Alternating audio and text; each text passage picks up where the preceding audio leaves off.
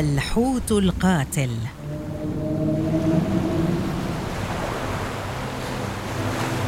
الحوت القاتل أو الحوت السفاح أو حوت الأوركا سمه ما شئت فالحقيقة واحدة لا يجب مواجهة هكذا مخلوق ابدا.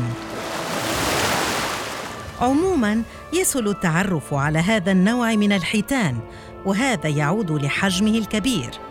ليس هذا فحسب بل للونه الأسود القاتم في ظهره ولبياضه في الكثير من مناطق جسمه.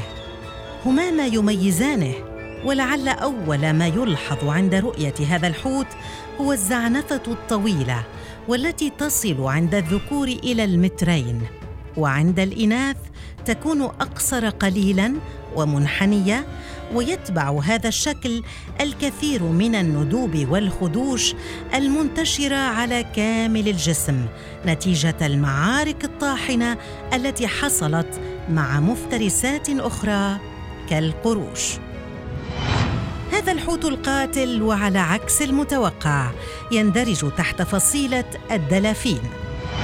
صحيح كما سمعت لكن هذا الحوت هو الجانب المظلم من تلك الفصيلة.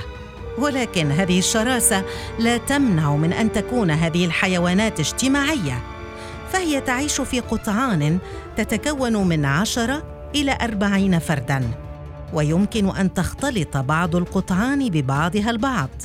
وعلى عكس الكثير من أنواع الحيتان فهذه الحيتان تبقى مع قطيع الأمهات لمدى الحياة ولا توجد وحيدة إلا في حالات نادرة. أما عن تواصل هذه الحيتان مع بعضها فهي تطلق العديد من الأصوات.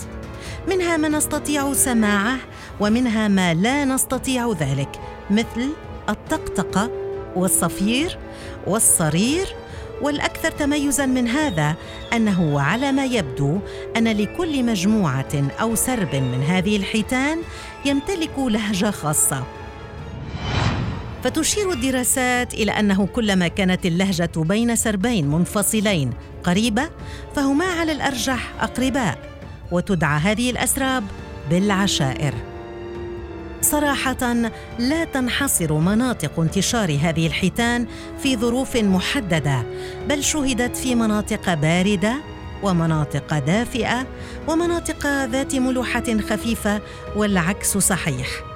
وليس هذا فحسب بل إن هذه الحيتان شهدت في مناطق مأهولة وعلى عمق عدة أمتار فقط.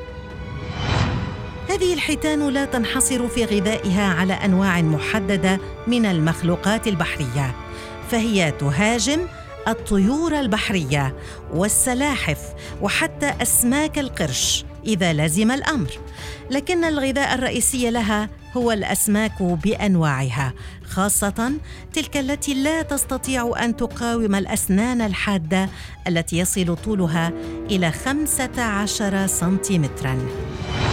أما عن تكاثر هذه الأنواع من الحيتان فأنثى الحوت تبلغ جنسيا في سن الخامسة عشرة وعادة ما تضع عجلا واحدا كل خمس سنوات. لكن صغار هذه الحيتان تكون ضعيفة خاصة في الأشهر الأولى من حياتها. لكن عند البلوغ نادرا ما تتعرض هذه الحيتان لخطر هجمات المخلوقات الأخرى. وكالكثير من المخلوقات على كوكبنا فهذه الحيتان معرضة للكثير من الأخطار خاصة تلك التي تكون من صنع البشر مثل النفايات السامة والمواد الكيميائية التي تخلفها المصانع.